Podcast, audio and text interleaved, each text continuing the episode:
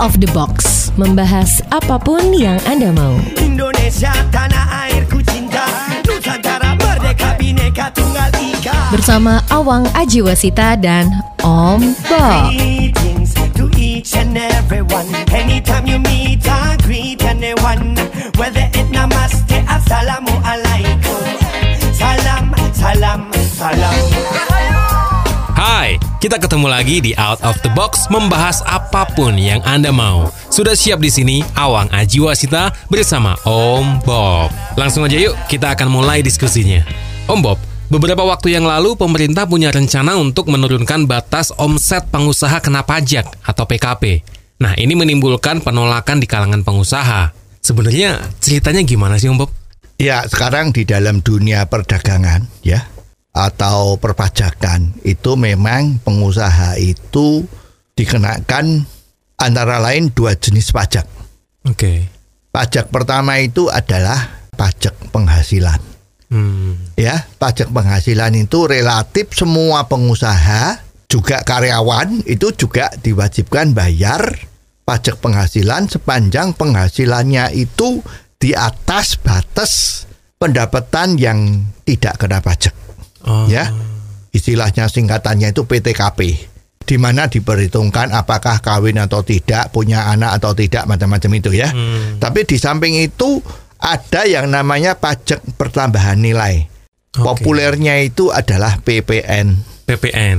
Lah, PPN itu dulu itu dikenakan terhadap pengusaha dengan omset atau penghasilan kotornya itu setahun lebih dari 600 juta. Kalau punya penghasilan kotor sebulan itu 50 juta, Mhm. maka pengusaha tersebut dikasih kehormatan ya untuk menjadi PKP. Oh. Pengusaha kena pajak. Oke. Nah, kalau orang yang belum tahu kan, lah PKP, lah saya kan juga pengusaha kena pajak penghasilan, ya bukan Iya, ya. iya, Jadi iya. ini yang dikatakan PKP itu adalah pengusaha kena pajak PPN, Oh. ya. Tidak peduli usaha you apa, kalau omsetnya di atas 50 juta per bulan atau setahunnya itu sudah 600 juta, maka kena pajak PPN. Oke. Ya. Lah, pajak PPN ini perhitungannya terus terang di tempat kita di Indonesia ini agak jelimet. Jadi ada namanya pajak masukan, ada yang namanya pajak keluaran. Oke. Ya, jadi besaran pajak itu 10%. Ya, jadi misalnya kalau ada orang belanja di tempat you eh, 10 juta, Oke. pajaknya 1 juta. Ah, Kalau belanjanya satu juta, pajaknya 10% jadi 100 ribu. Oke. Ya, jadi misalnya harga penyerahan barang atau jasa Mhm. yang satu juta, maka konsumen yang menerima barang yang kita jual atau jasa yang kita kasihkan itu bayarnya satu juta ditambah 100 ribu. Jadi satu juta 100 ribu rupiah. 10%. Itu apa tidak terlalu besar, Om Bob? Ya, memang pada awalnya semua merasa terlalu besar. Mhm. Karena konsumen itu harus membayar tambahan eh, 10% dan pengusaha ini harus membayarkan kepada pemerintah 10% tadi. Oke. Ya, jadi kalau pembeliannya 1 juta dan kemudian konsumennya itu membayar 1,1 juta, kan ada lebih besar 100 ribu kan? Betul. Itu bukan uangnya pengusaha. Itu untuk negara. Ya, jadi pengusaha itu harus menyetorkan itu sebulan sekali kepada pemerintah. Oh. Jadi ceritanya pemerintah ngambil pajak sama orang yang menikmati layanan kita atau menikmati pembelian barang kita, tapi kita disuruh jadi tukang tagih oleh pemerintah. Oke. Ya, dan ini nggak boleh tidak harus menjadi juru tagih. Oke. Ya harus bayar, diminta 10% itu terus dibayarkan ke kantor pajak. Hmm. Enak ya. Pemerintah mengangkat pegawai kolektor pajak PPN tapi tidak bayar biaya penagihannya. ya. Lah, apakah ini memberatkan pengusaha atau tidak? Itu ada faktor-faktor pertimbangan yang lain. Ya.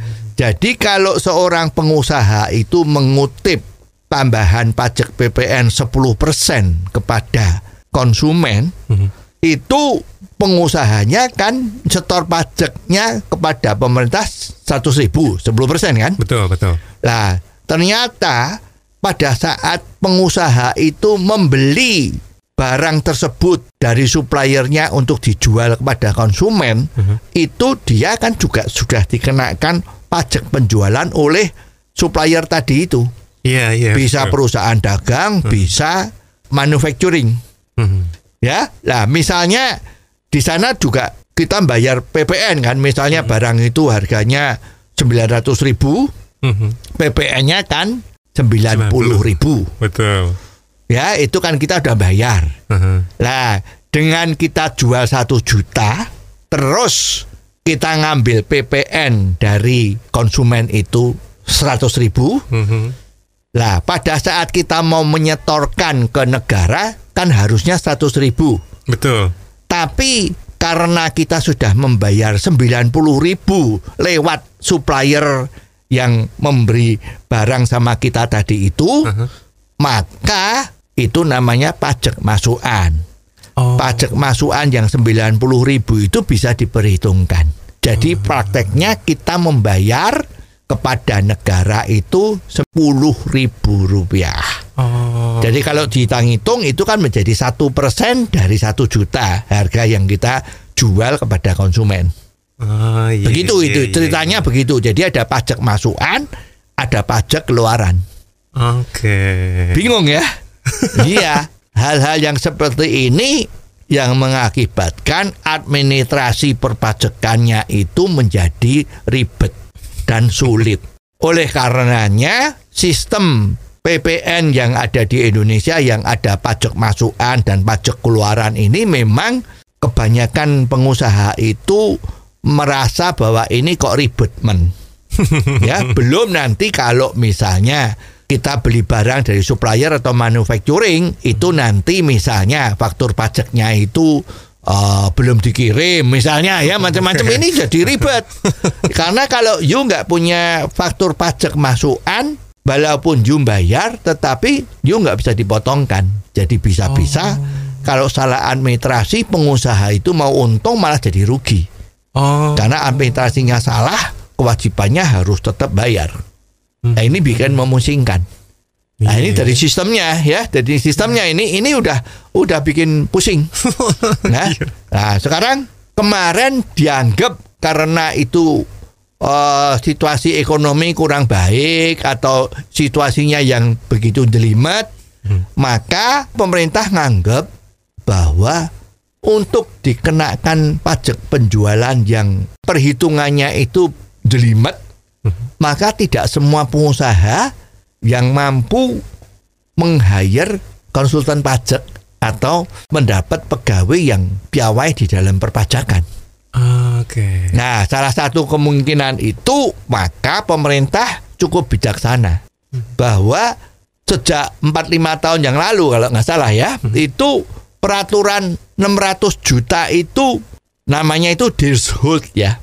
Thresholdnya itu dinaikkan dari setahun yang 600 juta dinaikkan menjadi setahun 4,8 miliar rupiah.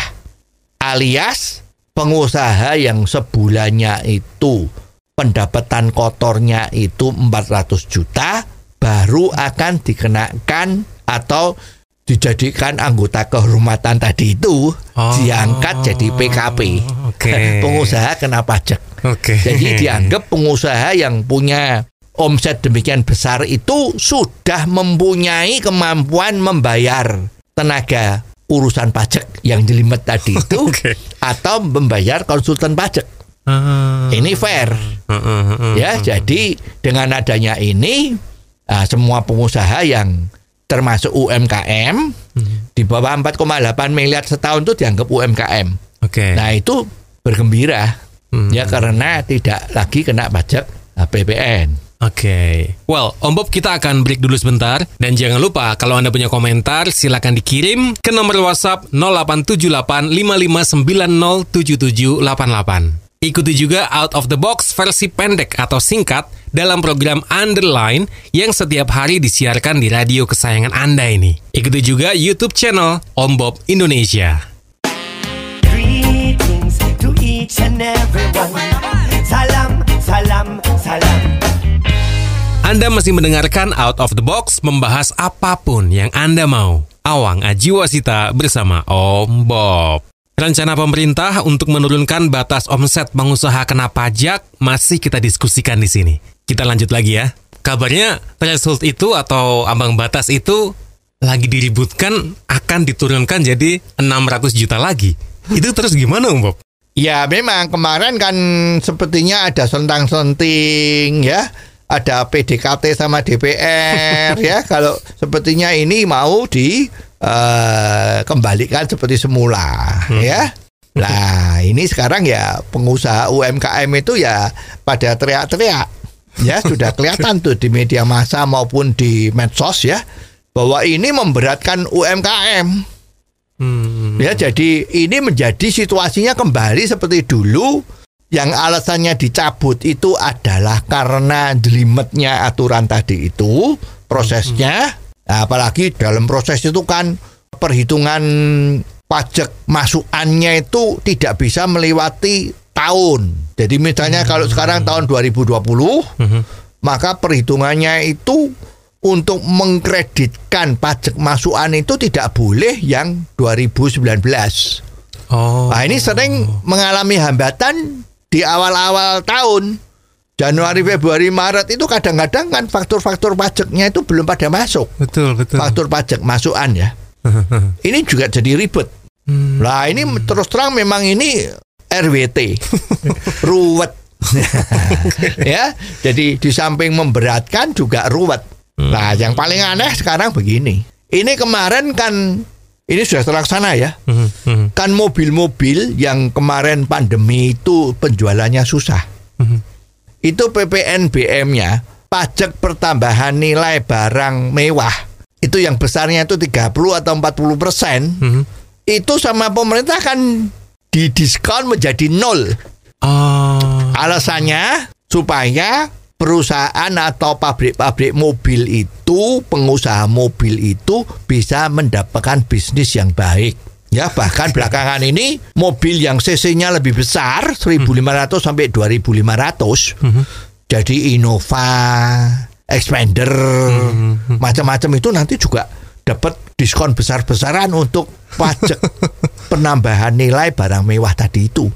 Oh. Ya alasannya adalah agar supaya industri mobil itu menjadi laku. Oke. Roda ekonominya bisa berjalan. Ya diharapkan eh, rakyatnya tambah makmur karena bisa pada beli mobil kan. Mobil mewah pula ya. iya. Nah, Dan juga kalau ini terjadi penjualan mobil macam-macam, pabrik mobilnya kan bisa untung. Oh. Nah, kalau untung kan bayar pajak penghasilan Oh, ya. iya, iya, nah, iya. tapi ini kontradiksi dengan keinginan UMKM itu yang dikenakan kembali pajak pertambahan nilai PPN tadi itu yang omsetnya menjadi 600 juta per tahun.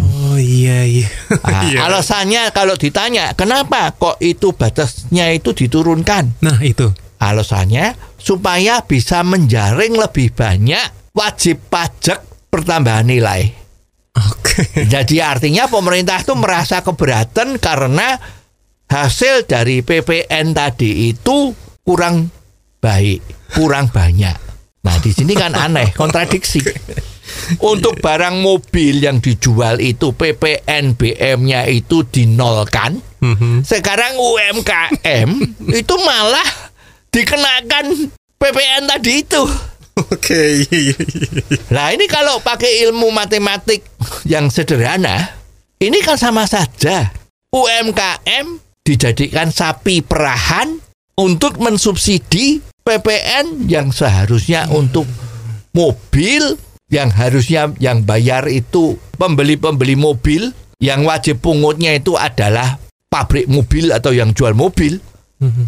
itu dibebaskan kekurangannya hasil pemerintah dari PPN itu UMKM yang diperes. Ditutup UMKM. Jadi ya banyak yang ngomong ini kan UMKM-nya jadi sapi perahan. ya mensubsidi PPN yang hilang dari dinolkannya penjualan mobil yang sampai dengan 2500 cc kalau nggak salah tadi itu kan. Ini terus dipertanyakan lah keadilannya di mana? Apakah pemerintah itu tidak memikirkan bagaimana setelah menghilangkan PPN dari penjualan mobil itu gantinya penghasilan PPN itu dari mana? Kok sekarang tiba-tiba UMKM-nya yang disuruh menomboi? Ini kan nggak benar. Ya kalau pemerintah mungkin benar, tapi dari pengusaha itu yang merasa ini nggak benar. Ya kalau memang mobil itu penjualannya kurang meningkat karena pandemi ini, ya bagaimana eh, pengusaha mobil itu harus mengurangi ongkos-ongkos pembuatannya. Untungnya jangan terlalu banyak dong. Kalau kita lihat banyak sekali itu eh, pabrikan-pabrikan mobil itu kan untungnya banyak tiap tahun ya. Ah, diturunin lah untungnya targetnya jangan tinggi-tinggi ya. Harganya diturunin. Jadi jangan sampai harga diturunin karena PPN-nya hilang tapi PPN-nya yang nomboi UMKM. Ini menjadi pertanyaan besar. Tapi kalaupun pemerintah tetap akan menjalankan ini Om Bob, terus jalan keluarnya gimana ya? Ya at least yang win-win solution lah. ya ini memang semua yang diharapkan seperti itu. Hmm. Kalau yang menjadi problem itu adalah prosedurnya hitung menghitung antara pajak masukan dan pajak keluaran. Ya namanya kan juga pajak pertambahan nilai ya. Mhm. Itu mestinya hambatan ini yang dihilangkan. Ya jadi toh kalau memang harus kena, ya cara membayarnya itu harus disederhanakan. Ya untuk UMKM itu kan tadi itu tidak punya kemampuan untuk meng-hire konsultan, tidak punya kemampuan untuk khusus mengangkat pegawai ngurusin pajak saja. Mengurusi tarik duit aja lagi susah ya. ya seperti itu. Ya, jadi harus lebih sederhana. Dan masih ada satu lagi bahwa supplier-supplier yang menjual barang ke pedagang-pedagang UMKM ini itu sering-sering dia bukan PKP. Jadi dia tidak bisa membuka faktur pajak. Di samping itu juga mereka tidak mau eh, memberi faktur pajak. Nah ini kan jadi menyulitkan pedagang UMKM yang kena PKP. Ini terjadi karena kalau tidak ada pajak masukan dari PPN tadi itu otomatis yang harus dibayar kepada negara oleh pengusaha UMKM tadi itu kan menjadi 10%. Wah, jadi ini menjadi uh, confuse. Kalau barang itu mau dibeli untuk dijual lagi, tapi tidak ada uh, faktur pajaknya, itu otomatis dia jualnya keuntungannya pasti berkurang 10%. Ini sangat memberatkan. Oke. Ya, jadi mungkin harus disederhanakan. Oke. Om Bob, kita akan break dulu sebentar. Jangan lupa, untuk yang akan kirim komentar, silakan WhatsApp ke nomor 0878 5590 7788. Ikuti juga Out of the Box versi pendek atau singkat dalam program Underline yang disiarkan di radio kesayangan Anda ini setiap hari dan ikuti juga YouTube channel Om Bob Indonesia. Greetings to each and everyone. Salam, salam, salam. Terima kasih Anda masih di Out of the Box membahas apa pun yang Anda mau. Awang Ajiwasita bersama Om Bob. Rencana pemerintah untuk menurunkan batas omset pengusaha kena pajak masih kita bahas di episode kali ini. Kita lanjutkan lagi ya. Sekarang pukul rata. Kalau UMKM, maka pajak pertambahan nilainya adalah setengah persen Hmm, atau satu persen dari hasil penjualannya. Itu lebih memudahkan. Oke. Ya jadi nggak usah pakai yang jelimet-jelimet. Iya. ya, itu satu. Oke. Karena di negara lain, sepertinya contohnya di Singapura, itu pajaknya PPN untuk barang-barang maupun jasa di Singapura itu 7 persen. Oh. Ya, kalau di Indonesia kemarin kan 10 persen, walaupun bisa diperhitungkan dengan pajak masukan. Oke. Tapi sering kali ini menjadi ruwet, ya. Kalau ruwet pengusahanya kena denda lagi, ya. Jadi ini repot. Jadi lebih baik begitu, lebih bagus flat berapa? Satu persen, setengah persen, sehingga kantor pajak itu kontrolnya juga mudah. Kemarin kan pernah ada yang diberitakan ya bahwa ternyata eh, pengusaha-pengusaha yang nggak bener, pengusaha hitam lah ya, itu memalsukan faktur pajak masukan. Oh. Itu negara juga dirugikan banyak. Jadi ada eh, perhitungan yang pajak masukannya lebih besar dari keluarannya, misalnya seperti Oke, itu, oke, oke. maka minta restitusi. Oh. Nah ini, ya tapi kalau ini sudah pengusaha UMKM itu dihitung secara flat satu persen atau setengah persen, ya selesai. Dan ini akan menyelesaikan masalah, tidak timbul masalah baru. Ah. Itu ya. Wait Om Bob, tapi kalau pemerintah itu masih tetap menganggap ini kurang, masih tetap pengen dapat dari PPN itu tadi, tetap akan diberlakukan gitu, gimana dong? Ya, nampaknya pemerintah kan butuh duit. ya, memang Menteri Keuangan kita juga pusing carinya duit gimana. Ini pengeluarannya kan banyak ini ya. Betul. Apalagi ramalannya pertumbuhan ekonomi Indonesia itu nanti tahun sekarang ini kan kurang lebih paling 3% atau berapa itu ya. Itu memang diperlukan tambahan duit untuk membiayai rodanya pemerintahan. Hmm. Ya, kalau memang ini dipaksain, ya pil pahit itu harus dimakan. Ya, semua harus merasa pil pahit ini harus dimakan. Nah, cuman kalau mau dimakan ya jangan semua menjadi sakit semua, ya. Nah, mungkin jalan yang terbaik itu adalah garis ambang batas tadi yang sekarang 4,8 miliar. Mhm. Terus kemarin ada isu yang mau dikembalikan menjadi 600 juta per tahun Betul. itu ya kelihatannya kurang masuk akal Ah. ya mungkin titik temunya titik temunya itu ya katakanlah 2,4 miliar Oke. jadi sebulan pengusaha yang omsetnya itu mencapai 200 juta baru dia diangkat jadi juru tagih pajak pertambahan nilai oleh pemerintah Oh. jadi pengusaha PKP. Jadi batasnya itu ya mungkin paling ideal itu ya antara 2 miliar sampai 2,4 miliar. Itu baru diangkat jadi juru tagih. Ya kalau yang di bawah itu saya kira ya memang kurang pantas. Ya itu bukan win-win. Tapi kalau mau win-win oke lah ya. Toh hidup itu kan nggak bisa seenaknya sendiri. Pemerintah kan juga nggak boleh seenaknya sendiri. Ya mungkin jalan tengah itu ya itu 2,4 miliar ya yang di bawah 200 juta per bulan tidak usah jadi juru tagih. Ya jadi supaya bisnisnya bisa jalan lancar dan semuanya happy. Oke. jadi ya solusi yang win-win itu ya tadi itu omsetnya yang setahun 2,4 miliar dan juga sistem perhitungannya PPN itu nggak perlu pakai pajak masukan dan pajak keluaran. Ya langsung aja flat. Flat. pajaknya satu persen atau setengah persen memperlancar dan tidak terjadi yang jelimet-jelimet sehingga di situ juga akan menjadi bersih ya tidak akan terjadi kong kali kong dan sebagainya Nah, Om Bob, lagi ngomongin pengusaha UMKM, kemarin juga sempat rame juga nih, karena kabarnya para pelaku UMKM ini juga sedang resah nih. Karena adanya skema komisi baru di platform digital GoFood yang dinilai memberatkan mereka. Menurut Om Bob gimana ini? Ya, ini memang kemajuan zaman itu membuat situasi yang mapan itu menjadi eh tidak mapan, ya. menjadi perubahan. Ya, karena memang dalam situasi yang sekarang ini kemajuan teknologi yang luar biasa ini itu memang yang pasti itu adalah ketidakpastian. Kemarin yang sudah enak-enak ya UMKM yang terutama UMKM kuliner yang biasa penjualannya itu dibantu oleh eh, GoFood ya atau GrabFood ya itu kan enak sekali. Mhm. Dia tidak perlu ada outlet, tidak perlu nyewa. Mhm. Kalau dia produksinya di rumahnya sendiri kan nggak usah nyewa. Betul.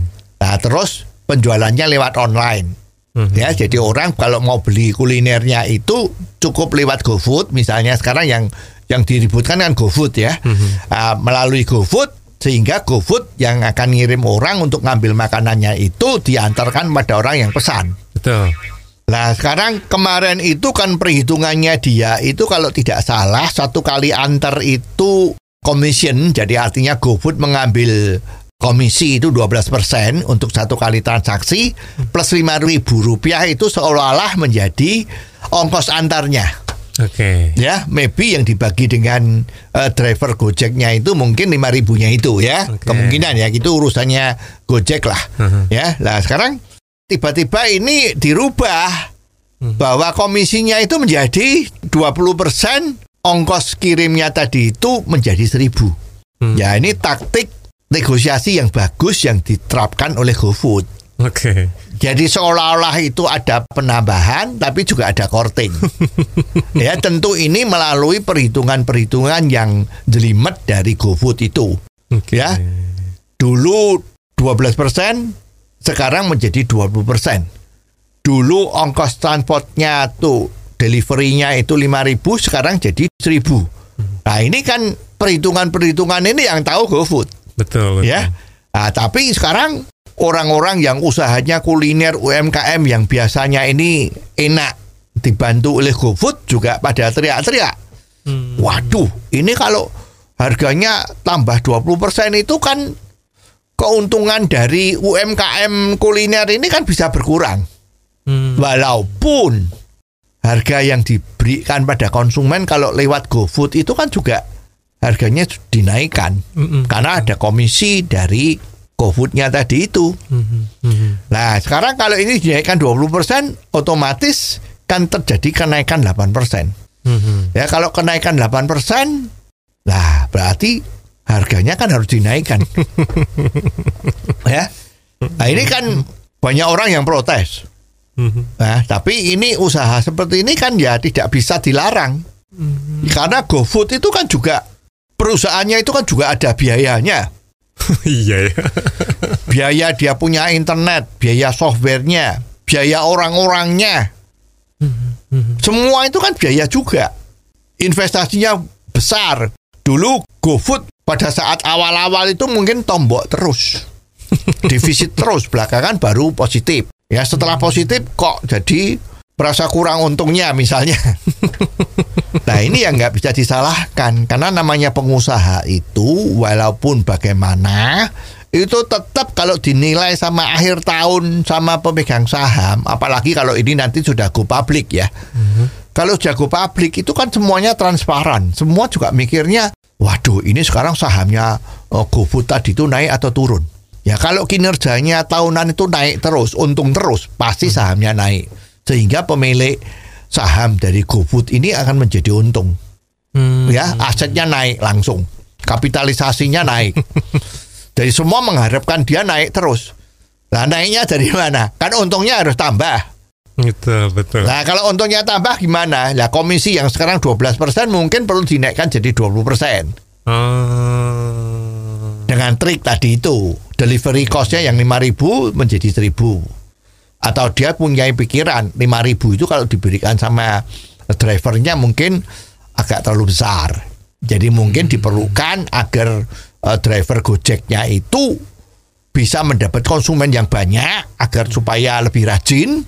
Oleh sebab itu kalau ini 1000 kan dia harus cari konsumen yang lebih banyak. Nah itu kan juga menguntungkan GoFood. Hmm. ya jadi nggak bisa disalahkan. Oke, Om Bob, kita break dulu sebentar ya. Nanti kita akan lanjut lagi sambil terus Awang ingatkan kalau Anda punya komentar tentang apa pun juga, silakan dikirim melalui WhatsApp 0878 5590 7788. Ikuti juga Out of the Box versi pendek atau singkat dalam program Underline yang disiarkan di radio kesayangan Anda ini setiap hari. Ikuti juga YouTube channel Om Bob Indonesia. Greetings to each and everyone. Anda masih mendengarkan Out of the Box membahas apa pun yang Anda mau. Awang Ajiwasita bersama Om Bob. Kita lanjutkan lagi pembahasan seputar pelaku UMKM yang kabarnya sedang resah karena adanya skema komisi baru di platform digital GoFood yang dinilai memberatkan mereka. Jadi kalau sekarang eh, konsumen itu maksudnya konsumennya GoFood itu yang tadi itu kuliner UMKM kuliner itu ya tidak bisa protes. Ya, dan tidak bisa melarang. Pemerintah juga nggak bisa melarang. Karena ekonomi di sini kan ekonomi yang bebas, bukan ekonomi yang manut sama pemerintah. ya, kan orang kalau mau beli kuliner itu kan tidak selalu harus lewat GoFood, bukan monopoli kan. Oh iya betul. Kalau orang mau datang beli kan boleh, harganya lebih murah, tinggal dia mau milih yang mana. Ini sebetulnya kebebasan yang bagus, demokrasi. Jadi memang susah kalau sudah seperti ini ya situasi market, situasi environment ini yang secara alami sudah terbentuk seperti ini. Nah kalau udah kayak gini berarti solusinya gimana dong Om Bob? Ya solusinya sebetulnya ya jangan sampai yang menguasai delivery UMKM kuliner ini hanya GoFood saja. Ada GoFood, ada GrabFood, ada apa itu lebih bagus ya. Kalau bisa makin banyak makin bagus. Sehingga antara GoFood, GrabFood dan nanti apa namanya food food food food tadi itu syukur ada 5 apa 10 itu persaingannya menjadi ketat. Hmm. Ya jadi yang sana kalau 20% oke yang ini cuma ngasih 15% banyak orang yang pesen lewat yang 15% kan terjadi persaingan. Kalau sudah terjadi persaingan maka yang diuntungkan konsumen sama UMKM kuliner tadi itu. Tapi apakah hal itu memungkinkan Om Bob? ya ini yang susah. Karena kalau GoFood sudah demikian kuat orang yang mau masuk dengan bisnis yang sama platform yang sama dengan ini itu kan juga mikir-mikir. Oh. investasinya berapa, apakah bisa mengambil marketnya GoFood. Kalau katakanlah GoFood itu sekarang marketnya 90%, artinya 90% orang-orang yang beli lewat antaran aplikasi ini 90% adalah melalui GoFood, ini kan udah gede sekali. Betul. Nah ini orang yang mau masuk takut, bisa rugi. Nah terus gimana dong kalau gitu? Lah ini pemerintah yang harus turun tangan. Pemerintah harus turun tangan. Pemerintah yang bikin aplikasi ini. Apakah namanya Republik Food gitu kan? Ya, Jadi Republik Food ini miliknya pemerintah. Hmm. Di mana dia tidak merasa rugi tidak apa-apa karena ini sifatnya public service kepada UMKM kuliner supaya mereka tidak terlalu dalam cute and cute itu untungnya menjadi tipis karena biayanya aplikasi itu makin lama makin tinggi misalnya seperti itu. Hmm. Jadi aplikasi Republik Food ini yang milik pemerintah, dia harus menjadi penyeimbang agar supaya komisi-komisi dari food food food food food tadi itu tidak seenaknya sendiri. Hmm. Misalnya pemerintah bikin Republik Food, ya, Oke, oke. itu harus kehebatannya sama dengan yang lain, tidak boleh lebih jelek, bahkan bila perlu lebih bagus. Hmm. Nah itu dia hanya mengambil komisi misalnya 10%, 12%, ongkos antaranya 2.500 misalnya seperti itu. Hmm. Ya itu menjadi standar. Jadi food food food food food yang milik swasta tadi itu nggak berani masang terlalu tinggi. Dengan demikian UMKM kuliner tadi itu kan tidak langsung itu dia diselamatkan oleh pemerintah. Inilah gunanya negara ada. Nah ini namanya ekonomi Pancasila ya kira-kira seperti inilah ya. Oke. Jadi pemerintah itu melibatkan diri kalau dianggap ini persaingannya atau eh, pembagian porsi keuntungannya itu udah nggak fair, misalnya begitu. Hmm. Itu pemerintah masuk Pertanyaan selanjutnya Om Bob, apakah pemerintah mampu ya? mampu. Pemerintah itu kan banyak sekali sumber daya manusianya yang hebat-hebat. ya. Masalahnya cuman ini nanti korupsi atau enggak. Itu beda urusan lagi tuh ya. Iya, jadi kalau pemerintah mampu tetapi nanti orang-orang yang duduk di perusahaan Republik Food tadi itu ternyata korupsi, Sama aja. ah, nanti itu jadi rugi terus pemerintah ya pusing. Ini ada ada perusahaan kok anonim rugi terus. Ternyata korupsi. Oke. Nah supaya nggak korupsi gimana? Ya semua tadi itu kembali bahwa KPK-nya harus betul, tegas dalam penindakannya, mental orang-orangnya itu harus betul. Jadi ini harus secara kesimultan semua itu harus diperbaiki. Oke. Coba kalau kita bayangin ada Republik Food yang dia mematok dengan komisi 12 persen, ongkos antarnya 2.500 Mhm. dan aplikasinya itu sehebat food food food food, food tadi dari, dari swasta. Oke. Apa yang terjadi? Ya tidak terjadi gejolak. Semua happy. Sebaliknya swasta juga happy. Karena 12% itu dianggap sudah bisa menguntungkan, misalnya begitu kan. nah, ini yang harus dilakukan. Jadi kita tunggu nanti coba pemerintah apakah bisa berbuat seperti itu. Jadi seperti juga pemerintah yang terlibat, misalnya ada daerah terpencil, Mhm. ya itu harus dibangun kemajuan ekonominya. Maka pemerintah bangun jalan tol. Seperti sekarang ini betul. Karena kalau swasta yang bangun nggak mampu mana ada duit? Mana bisa untung mana bisa kembali? Tapi kalau pemerintah kan oke. Ah. ini benar. Jalan tol itu benar pemerintah. Walaupun masih rugi nggak apa-apa. Karena memang ini membuka kemampuan ekonomi daerah membuka daerah terisolir supaya bisa terbuka. Sehingga pertanian-pertanian buah-buahan atau lombok yang sekarang harganya naik itu itu bisa disalurkan lebih cepat. Sehingga harga-harga bisa lebih stabil rakyatnya lebih makmur. Persis. Ya jadi kalau food food food food tadi bikin masalah ya pemerintah bikin jangan melarang. Jadi pemerintah jangan melarang oh nggak boleh ya kamu nggak boleh 15 persen nggak boleh 20 persen bolehnya 10 persen ya ekonomi Indonesia tidak kondusif bisa repot malahan Oke. Dan waktu kita sudah habis Om Bob. Terima kasih atas diskusinya. Dan kalau Anda punya komentar, silakan dikirim melalui WhatsApp ke nomor 0878 5590 7788.